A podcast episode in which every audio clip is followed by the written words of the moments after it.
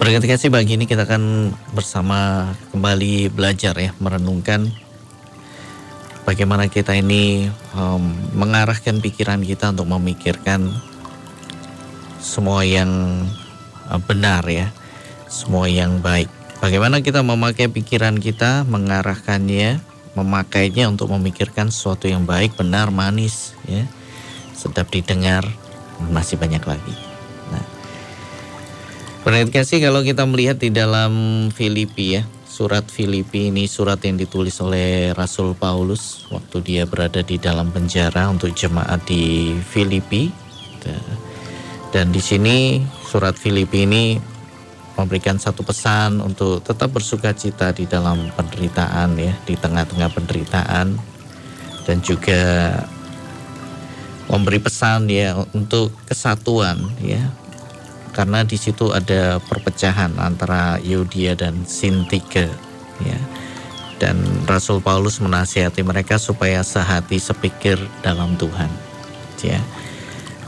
Dan merendahkan diri seperti Yesus ya. Memiliki pikiran dan perasaan seperti yang ada di dalam Yesus Kristus nah, karena memang ada perpecahan di situ dan kalau ada perpecahan berarti kasih Apalagi kalau yang sedang terpecah itu adalah seorang yang berpengaruh.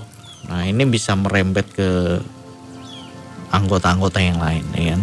Sehingga perpecahan itu menjadi sebenarnya dari dua orang, kemudian akhirnya berubah menjadi dua kubu.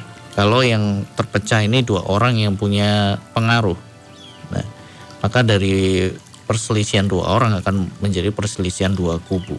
Ya, ya sering kali yang terjadi seperti itu. Memang kita tidak sedang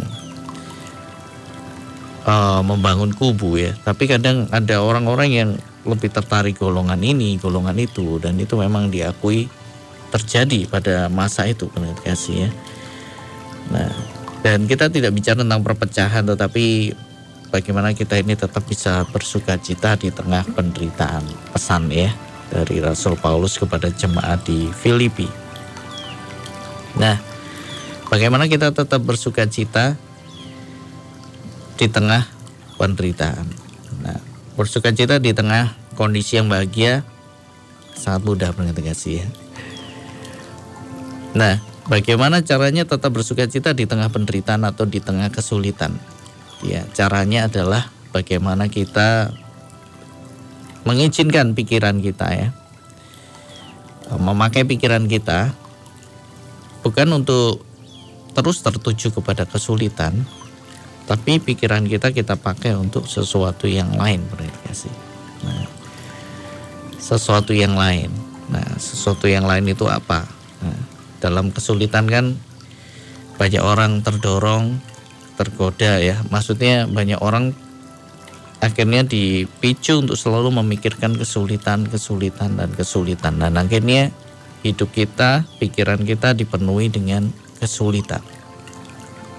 Dan kalau sudah dipenuhi dengan kesulitan, nah sekarang ini sulit, itu sulit, dan kita melihat semakin sulit. Ya. Kalau pikiran kita dipenuhi dengan semua itu, saya percaya kita tidak akan bisa bersuka cita. Yang ada adalah menghela nafas, ya kan? Bahasa Jawanya sambatan, ya. Ada yang suka sambatan, atau pagi ini sudah ada yang sambatan berarti kasih awali pagi ya dengan ucapan syukur. Nah caranya adalah bagaimana kita memakai pikiran kita berarti kasih untuk memikirkan apa yang uh, apa yang benar ya. Kita baca di dalam Filipi pasal yang keempat ayat yang ketujuh dan seterusnya Filipi pasal yang keempat ayat yang ketujuh dan seterusnya. Damai sejahtera Allah yang melampaui segala akal akan memelihara hati dan pikiranmu dalam Kristus Yesus. Ya. Di ayat sebelumnya, janganlah hendaknya kamu khawatir tentang apa pun juga, tetapi nyatakanlah dalam segala hal keinginanmu kepada Allah dalam doa. Kemudian damai sejahtera Allah yang melampaui segala akal akan memelihara hati dan pikiranmu dalam Kristus Yesus. Jadi akhirnya saudara-saudara semua yang benar, semua yang mulia, semua yang adil, semua yang suci, semua yang manis, semua yang sedap didengar, semua yang disebut kebajikan dan patut dipuji, pikirkanlah semuanya itu. Jadi semua yang benar, semua yang mulia, semua yang adil, semua yang suci, semua yang manis, semua yang sedap didengar, yang disebut kebajikan dan patut dipuji, pikirkanlah semuanya itu. Nah semua ini berarti kasih semua yang benar, semua yang mulia, semua yang adil, yang suci, ya. Ini bisa kita temukan di dalam firman Tuhan, ya kan? Di dalam firman ini kemarin kita sudah belajar kalau kita pencari keadilan di dalam Alkitab inilah kita bisa melihat sebuah keadilan. Nah, pikirkan semua yang benar, mulia. Ya, kalau kita mau cari sesuatu yang mulia di dalam firman ini tercatat, ya. Apa itu sesuatu yang mulia? Apa itu yang benar? Apa itu yang manis? Apa itu yang sedap didengar? Apa itu kebajikan? Apa itu patut dipuji? Apa itu perbuatan yang mulia? Nah, kasih. Semuanya tercatat di dalam firman Tuhan. Dan ayat yang ke-9 dan apa yang telah kamu pelajari dan apa yang telah kamu terima dan apa yang telah kamu dengar dan apa yang telah kamu lihat lakukanlah itu. Maka Allah sumber damai sejahtera akan menyertai kamu. Jadi damai sejahtera itu akan terjadi ketika kita ini melakukan apa yang telah kita pelajari. Nah, apa yang telah kita terima, apa yang telah kita dengar, dan apa yang telah kita lihat. Dengan melakukannya, maka Allah sumber damai sejahtera akan menyertai kita. Nah, jadi bagaimana bersuka cita di tengah penderitaan? Rasul Paulus menasihatkan untuk ini ditulis sebagai nasihat-nasihat terakhir ya. Jadi sangat penting sekali nasihat-nasihat terakhir ini kalau dituliskan. Karena ada satu pesan yang kuat di situ. Jadi bukan berpikir tentang kesulitan tapi mulai pikirkan apa yang ada di dalam firman Tuhan. Nah, semua yang benar. Saya akan hubungkan bagaimana kita ini menikmati Taurat Tuhan ya di dalam Mazmur 119 ayat yang ke-97. Betapa ku cintai Tauratmu, aku merenungkannya sepanjang hari. Ya. Ini ada satu kata-kata yang sangat indah. Betapa ku cintai Tauratmu, aku merenungkannya sepanjang hari. Jadi pikiran kita kita pakai untuk merenungkan sepanjang hari. Kalau kita merenungkan firman Tuhan, pernah dikasih sepanjang hari, sepanjang hari itu kan ya dalam keseluruhan hari kita yang kita lalui sambil kita merenungkan firman Tuhan ya. Habis melakukan apa ketika kita mulai luang sedikit ya, mulai ingat lagi. Nah, kalau kita menjalani kehidupan seperti itu ya, menjalani hidup sambil merenungkan, maka ada sesuatu yang terjadi menurut kasih. Pikiran kita itu kita pakai untuk merenungkan firman Tuhan. Ya. Merenungkan firman Tuhan. Dan sering kali ketika kita membaca firman ini, kasih, membaca Alkitab ya, ada hal-hal yang tidak kita mengerti. Dan itu sebenarnya baik untuk kita ini terus-menerus bertanya di dalam pikiran kita apa ya maksudnya? Apa ya maksudnya? Saya sering juga menjumpai bagaimana saya membaca dan saya belum mengerti apa maksudnya. Ya. Bahkan kalau saya baca kitab Wahyu ini apa maksudnya? Ya. Kapan dimulainya?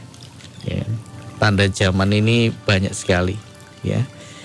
Bagaimana zaman ini akan uh, akan berakhir ya, bagaimana zaman akan berakhir dan beralih kepada kehidupan yang baru. Kapan ini terjadi?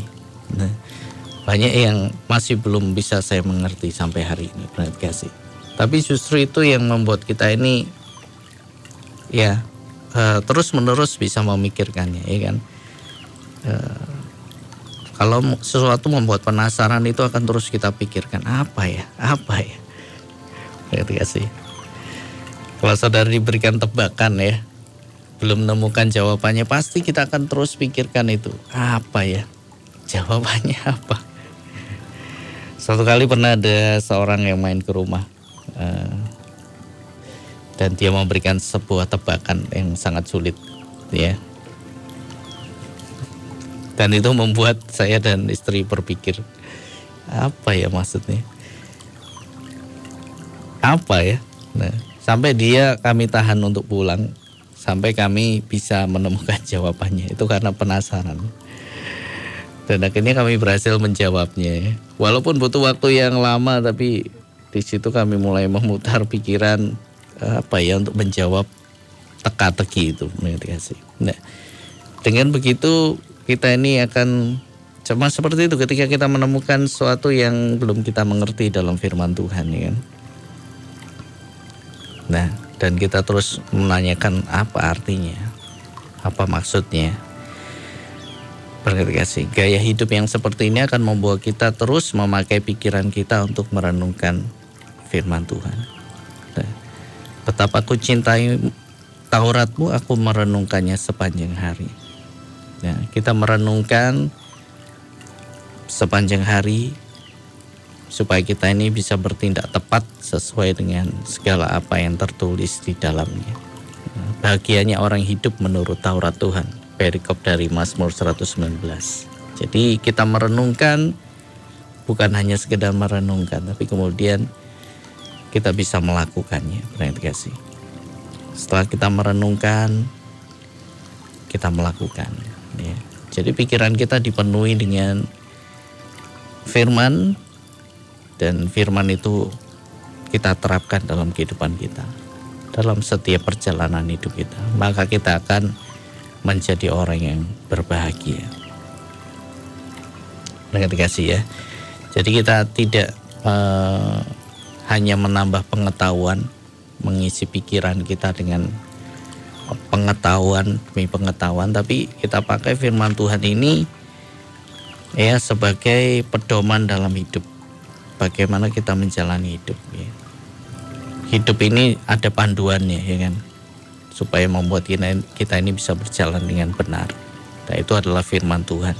Ya kasih hari ini di tengah-tengah keadaan yang seperti ini jangan lewatkan untuk merenungkan firman Tuhan ya bagaimana bisa bersuka cita di tengah kesulitan ya pikiran kita jangan terus terarah kepada kesulitan ya karena kalau pikiran kita terus kita pakai pikirannya, waduh ini sulit, waduh ini mahal, waduh beli apa alat untuk uh, cairan untuk menjaga tetap bersih semakin mahal. Wah, kalau kita terus isi seperti itu, waduh ada yang mati lagi, waduh semakin banyak korbannya.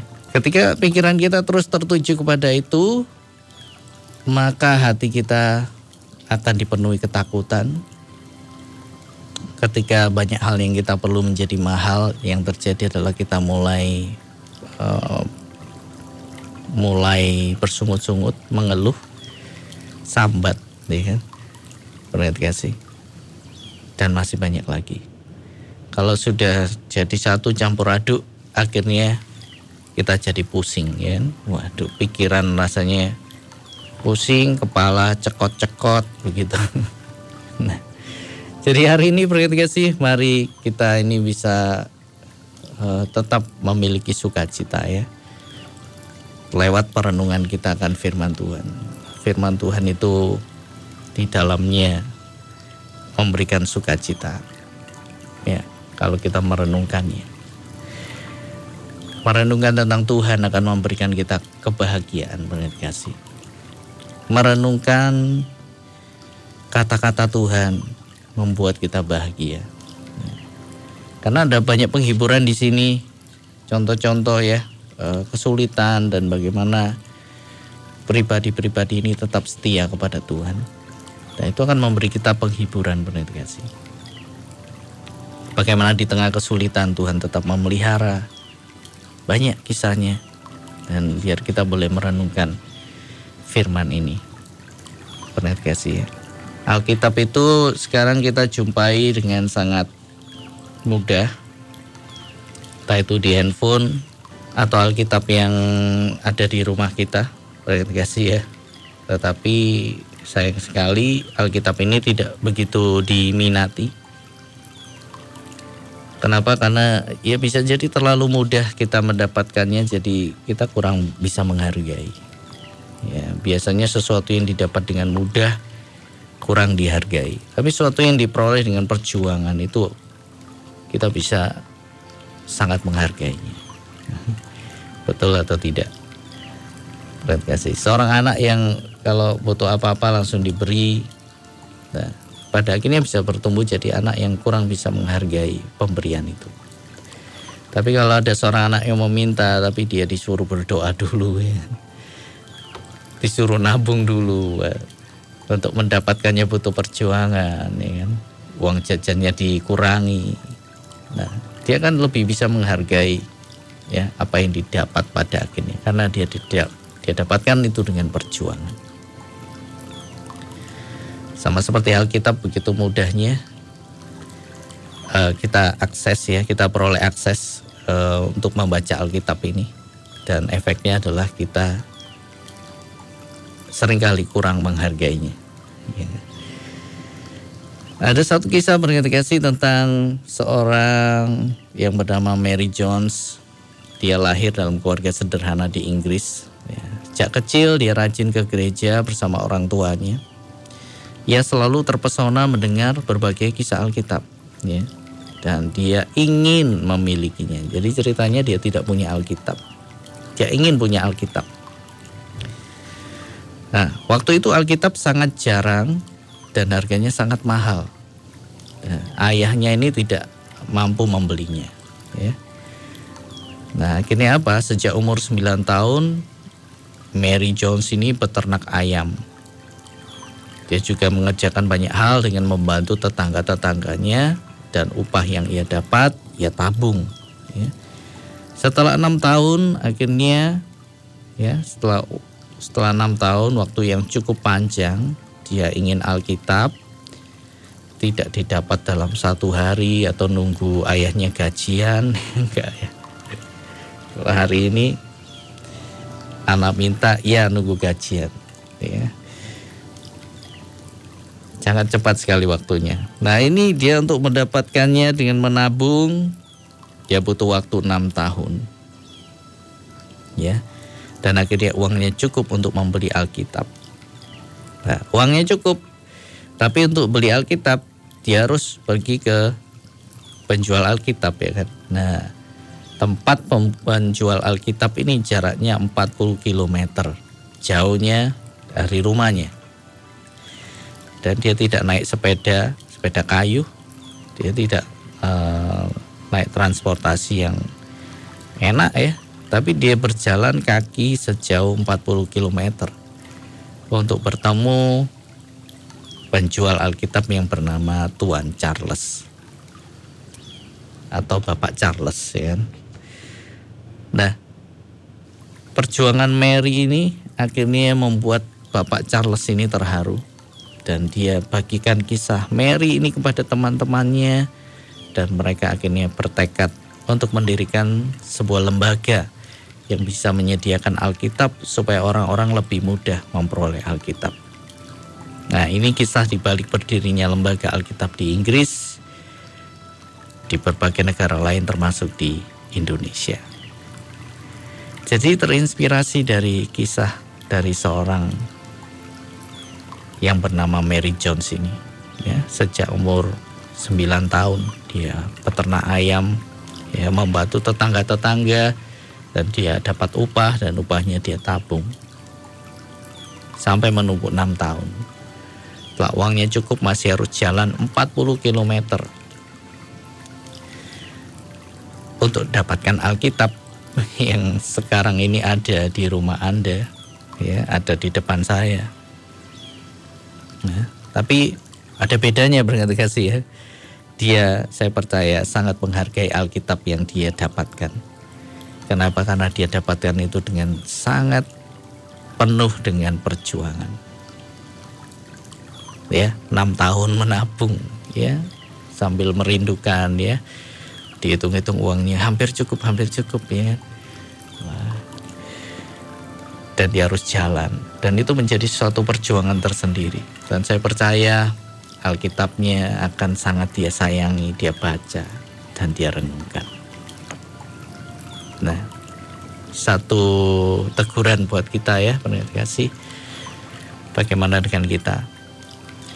Dengan segala kemudahan, sering kali kita menganggap akhirnya ya firman Tuhan itu bukanlah konsumsi utama kita ya uh, malah ditaruh di akhir-akhir ya Pokoknya kalau pas butuh susah, butuh janji Tuhan baru baca Alkitab nih. Seringkali itu yang terjadi di akhir-akhir. Ya. Kalau sudah kepepet nggak ada jalan, buka ayat Alkitab mana ya yang beri kekuatan. Ya, mari kita bersama belajar di dalam Alkitab ini firman Tuhan ada banyak keindahan. Ya, bagaimana kita bersuka cita di tengah kesulitan? Mengarahkan pikiran kita. Bukan untuk memikirkan kesulitan itu, tapi untuk memikirkan semua yang manis, ya. Sedap didengar, patut dipuji, semua yang mulia, dan itu semua kita bisa temukan di dalam firman ini.